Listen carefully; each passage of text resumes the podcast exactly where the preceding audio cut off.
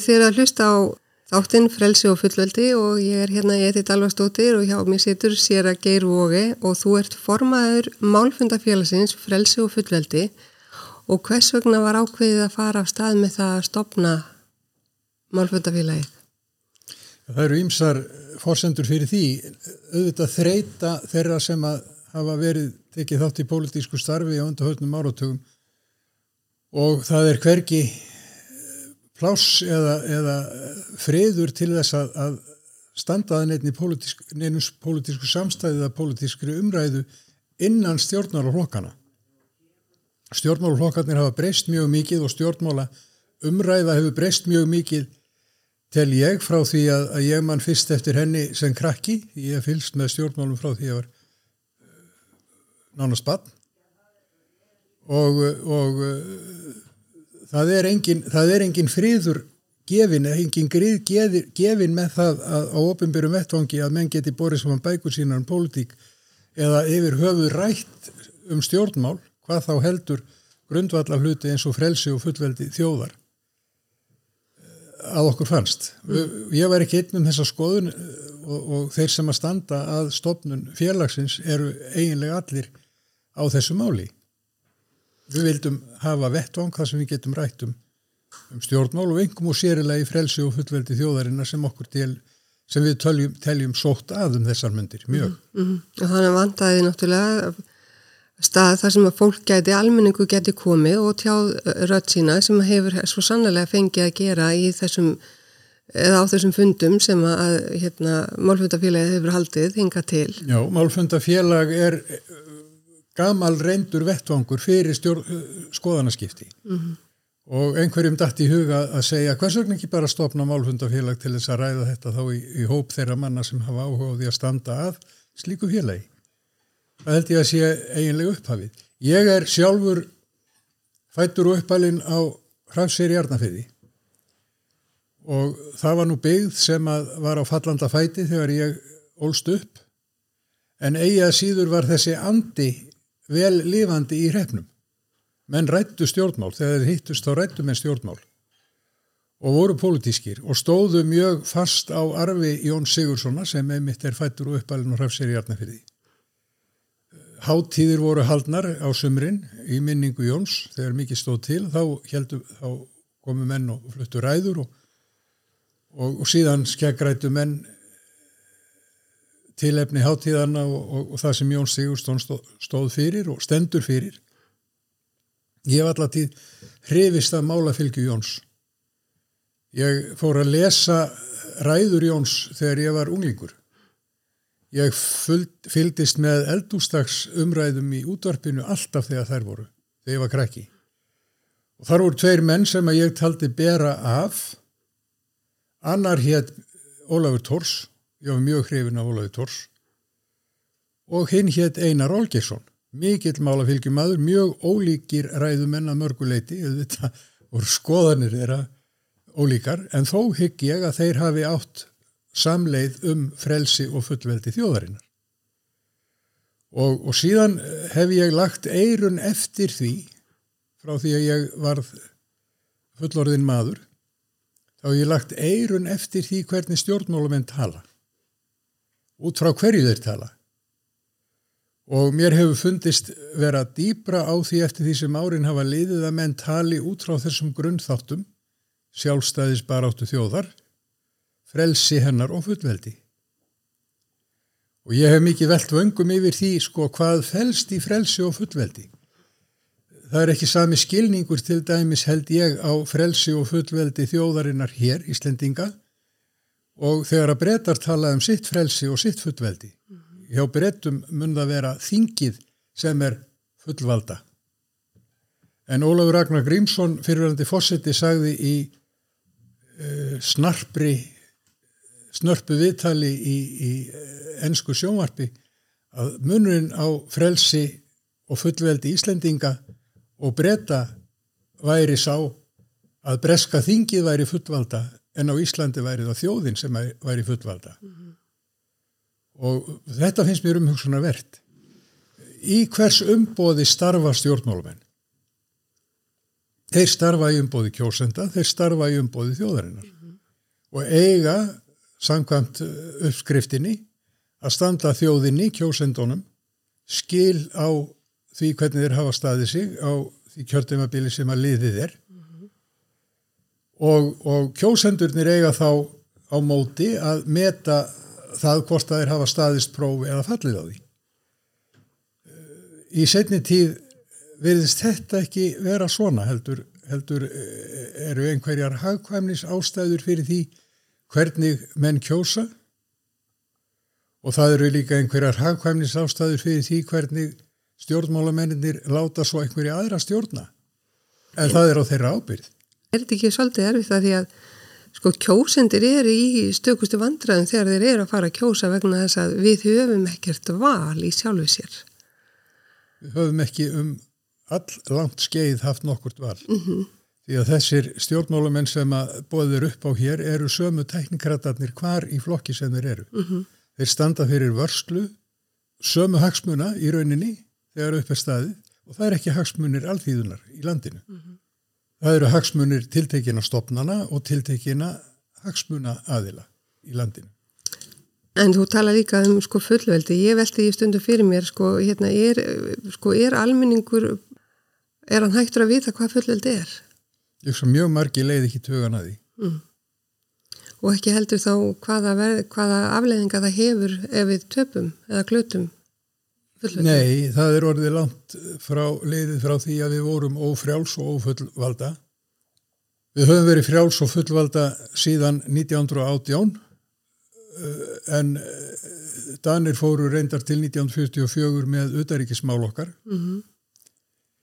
Tölum aðeins um, um, um fullveldi inn á við og fullveldi út á við. Fullveldi inn á við eh, þýðir það að þjóðin verður að gera sér grein fyrir því og verður að vilja taka ábyrð á ákvörðunum sínum til dæmis varandi kostningar mm -hmm. hverja þeir kjósa og hvaða stefnur þeir velja í kostningum og, og stjórnmóla mennirnir sem að, að, að ná kjöri og veljast til samstarfs í ríkistjórnum, þetta er allt samstefnustjórnir hér þeir verða það verður að gera þá kröfu til þeirra að þeir standi á sínu, það er að segja á stefnu síns floks að einhverju leiti eða verulegu leiti í stjórnarsamstarfi og ef að ef að eitthvað verður til þess að, að menn eiga þá ekki samleið sem að hafa þó ákveðið að starfa saman í stjórn þá verða menn að hafa þór til þess að bera árangur viðkomandi stjórnar undir kjósendur og láta kjósa aftur. Mm -hmm. fullveldi út á við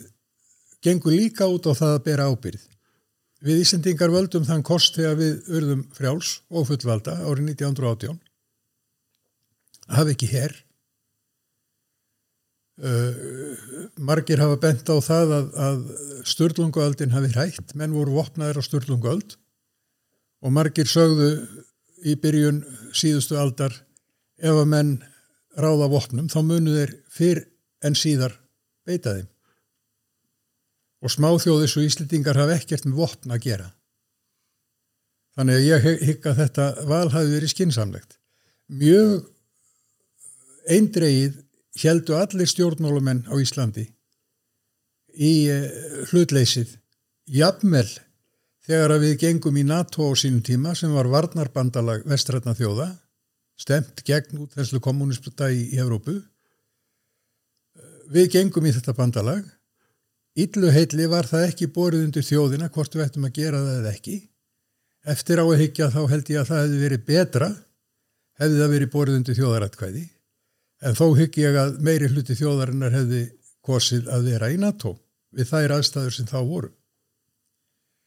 Síðan hefur það gerst að menn hafa dopnað gangvart hlutleysis stefnunni þannig að þegar NATO var fyrst beitt til árása, ekki til varnar, heldur til árása, það var þegar NATO reist á Serba á sínum tíma, 1990 hvernig það nú var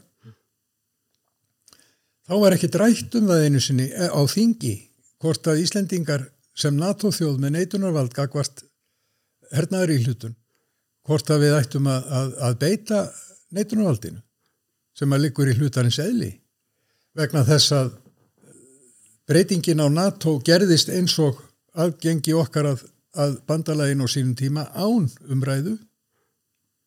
Það er að segja, það var mikil umræða þegar við gengum í NATO á sínum tíma í varnarbandalægi, en það var engin umræða þegar að varnarbandalæginu var breytt í hernaðabandalag. Og það gerðist vegna þess að, að ákvæði í, í stoppskrá NATO gerðu ekki ráð fyrir því að hægt væri að beita eh, NATO til annars en varnar. En þarna var því beitt til árásar. Og síðan hafa afleðingarnar orðið þær að NATO hefur aftur og aftur verið nota til þess að ráðast á þjóðir jafnvel utan Evrópu og hefur engin umræð að farið fram um það hvorki á þingi eða annar staðar hvort að það væri eðlilegt eða ekki. Býtu hver ber ábyrð á þessu? Mm -hmm. bera Össu Skarpjæðinsson ábyrð á því að við tókum þátt í að ráðast á Líbi á sínum tíma? Vissulega.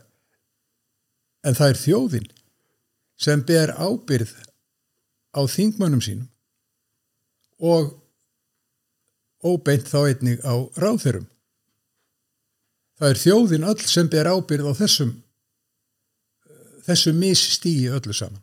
Það er ekki það að vikja sér undan því. Íslendingar bera ábyrð á því að sá félagskapur sem þeir gengu í sem varnar bandalag breytist allt í einu í hernaðabandalag og hefur látið hendur standa fram úr ermum sem hernaðabandalag. Við berum ábyrð á því. Á nákamlega hliðstæðan hátt og við berum ábyrð á afreikum ríkistjórnana á innanlands. Evrópusambandið er eh, stopnun sem að, að, að lítur ekki líðræðislegum lögmálum. Framkvæmdavald Evrópusambandsins er ennbætsmannavald. Mörgum virðist þykja það vera til fyrirmyndar. Við höfum hort upp á það að menn hafa vilja ganga í Evrópusambandið margir íslendingar, allt framundir þetta og það er akkurat ennbætsmannavaldið, skilvirkni þess sem að verið stóga í menn til þess. Ég hef ekki orðið var við annað heldur en að menn finni að því að breytar skildu ganga úr Európusambandinu. Af hverju gerðu þeir það? Vegna þess að þeir voru ekki lengur fullvalda. Mm -hmm. Þeir réð ekki sjálfur lögum sínu, þeir réð ekki sjálfur dómsvaldi sínu, þeir réð ekki sjálfur utaríkistefnu sinni, þeir réð ekki sjálfur innanríkistefnu sinni. Því að þegar eitthvað erlend vald er farið að hlutast til bæði um lagasetningu, um lagaframkvæmt og svo framvegs, þá er ríkið ekki lengur fullvalda. En svo við komum nú aðeins inn í hérna, hlutina eins og þeir eru, eru hérna bara í daga því nú höfum við verið að ræða alltaf um, um til dæmis bókun 35 áhyggjuna af því sem að hérna, það hefur í sambandi við fullveldið og náttúrulega bara frelsi þjóðarinnar að þá hérna, það er náttúrulega þess vegna sem að kannski við hefum stopnað þennan eh, þetta málfundafélag meðal annars frels og fullveldi til þess að vekja aðtekli meðal annars á þessum málum Slagurinn um orkupakkan, hann var nú kannski undanfarin mm -hmm. að, að, að eh, ágreiningi okkar við mjög marga aðra um, um bókun 35 ég fullvisa ég er alveg fullvis um það að engin stjórnmálumadur sem ég hlustaði á sem barn, unglingur mm -hmm. fullorðin maður fram yfir 50, engin stjórnmálumadur sem sem að talaði á innlendum vettfangi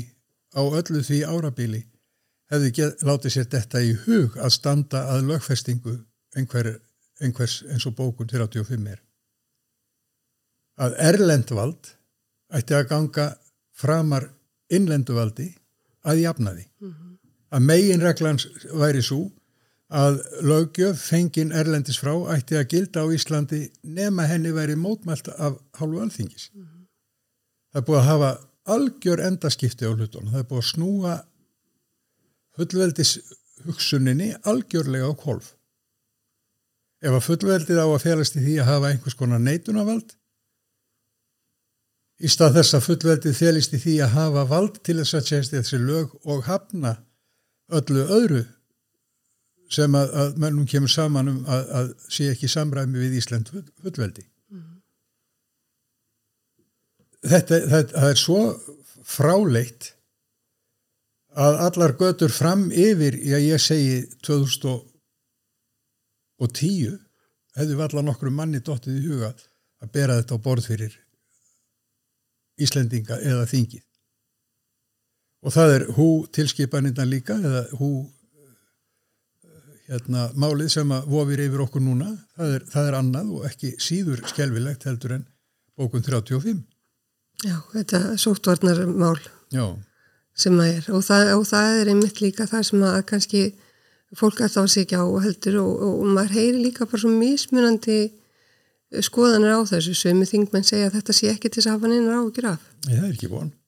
Þingmenn sem er, vilja fyrst og fremst hafa frið til þess að, að sitja að sínum sinni aðstöðu til þess að hafa þau áhrif og það vald sem þeir hafa á þess að láta reyna á það ekki heldur á ábyrðin af því þeir vilja þetta hafa þetta bara svona þægilegt mm -hmm. ég skil það vel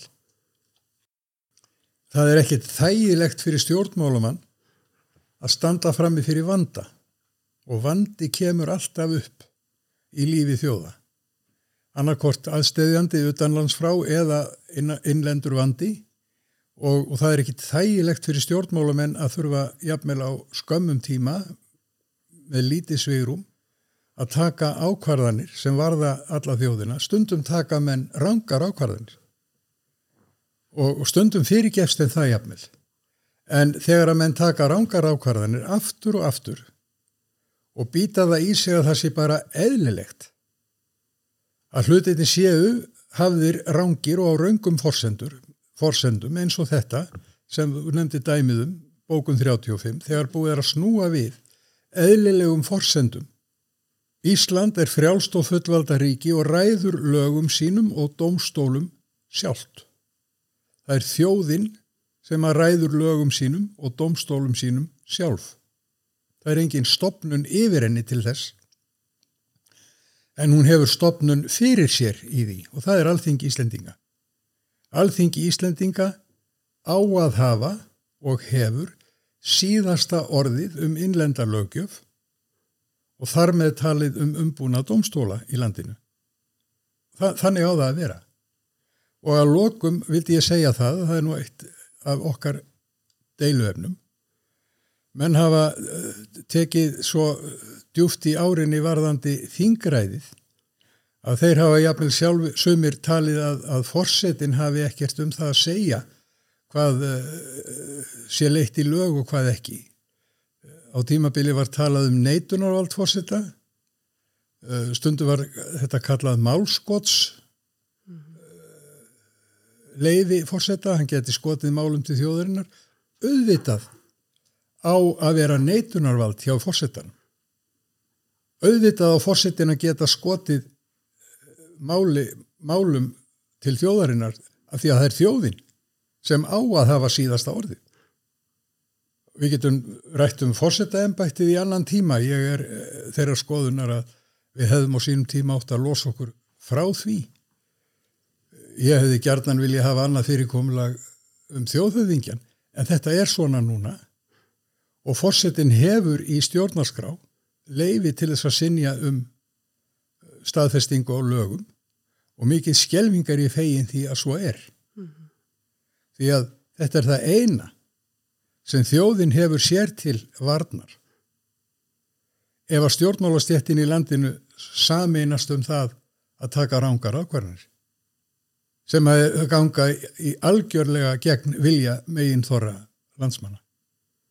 Og það er þessi megin þorri landsmanna sem á að hafa síðast orðið. Þjóðin er fullvalda, ekki stjórnmálastjettin. Þetta eru góði lókaður en við þakkum bara fyrir og heyrumst bara fljótlega.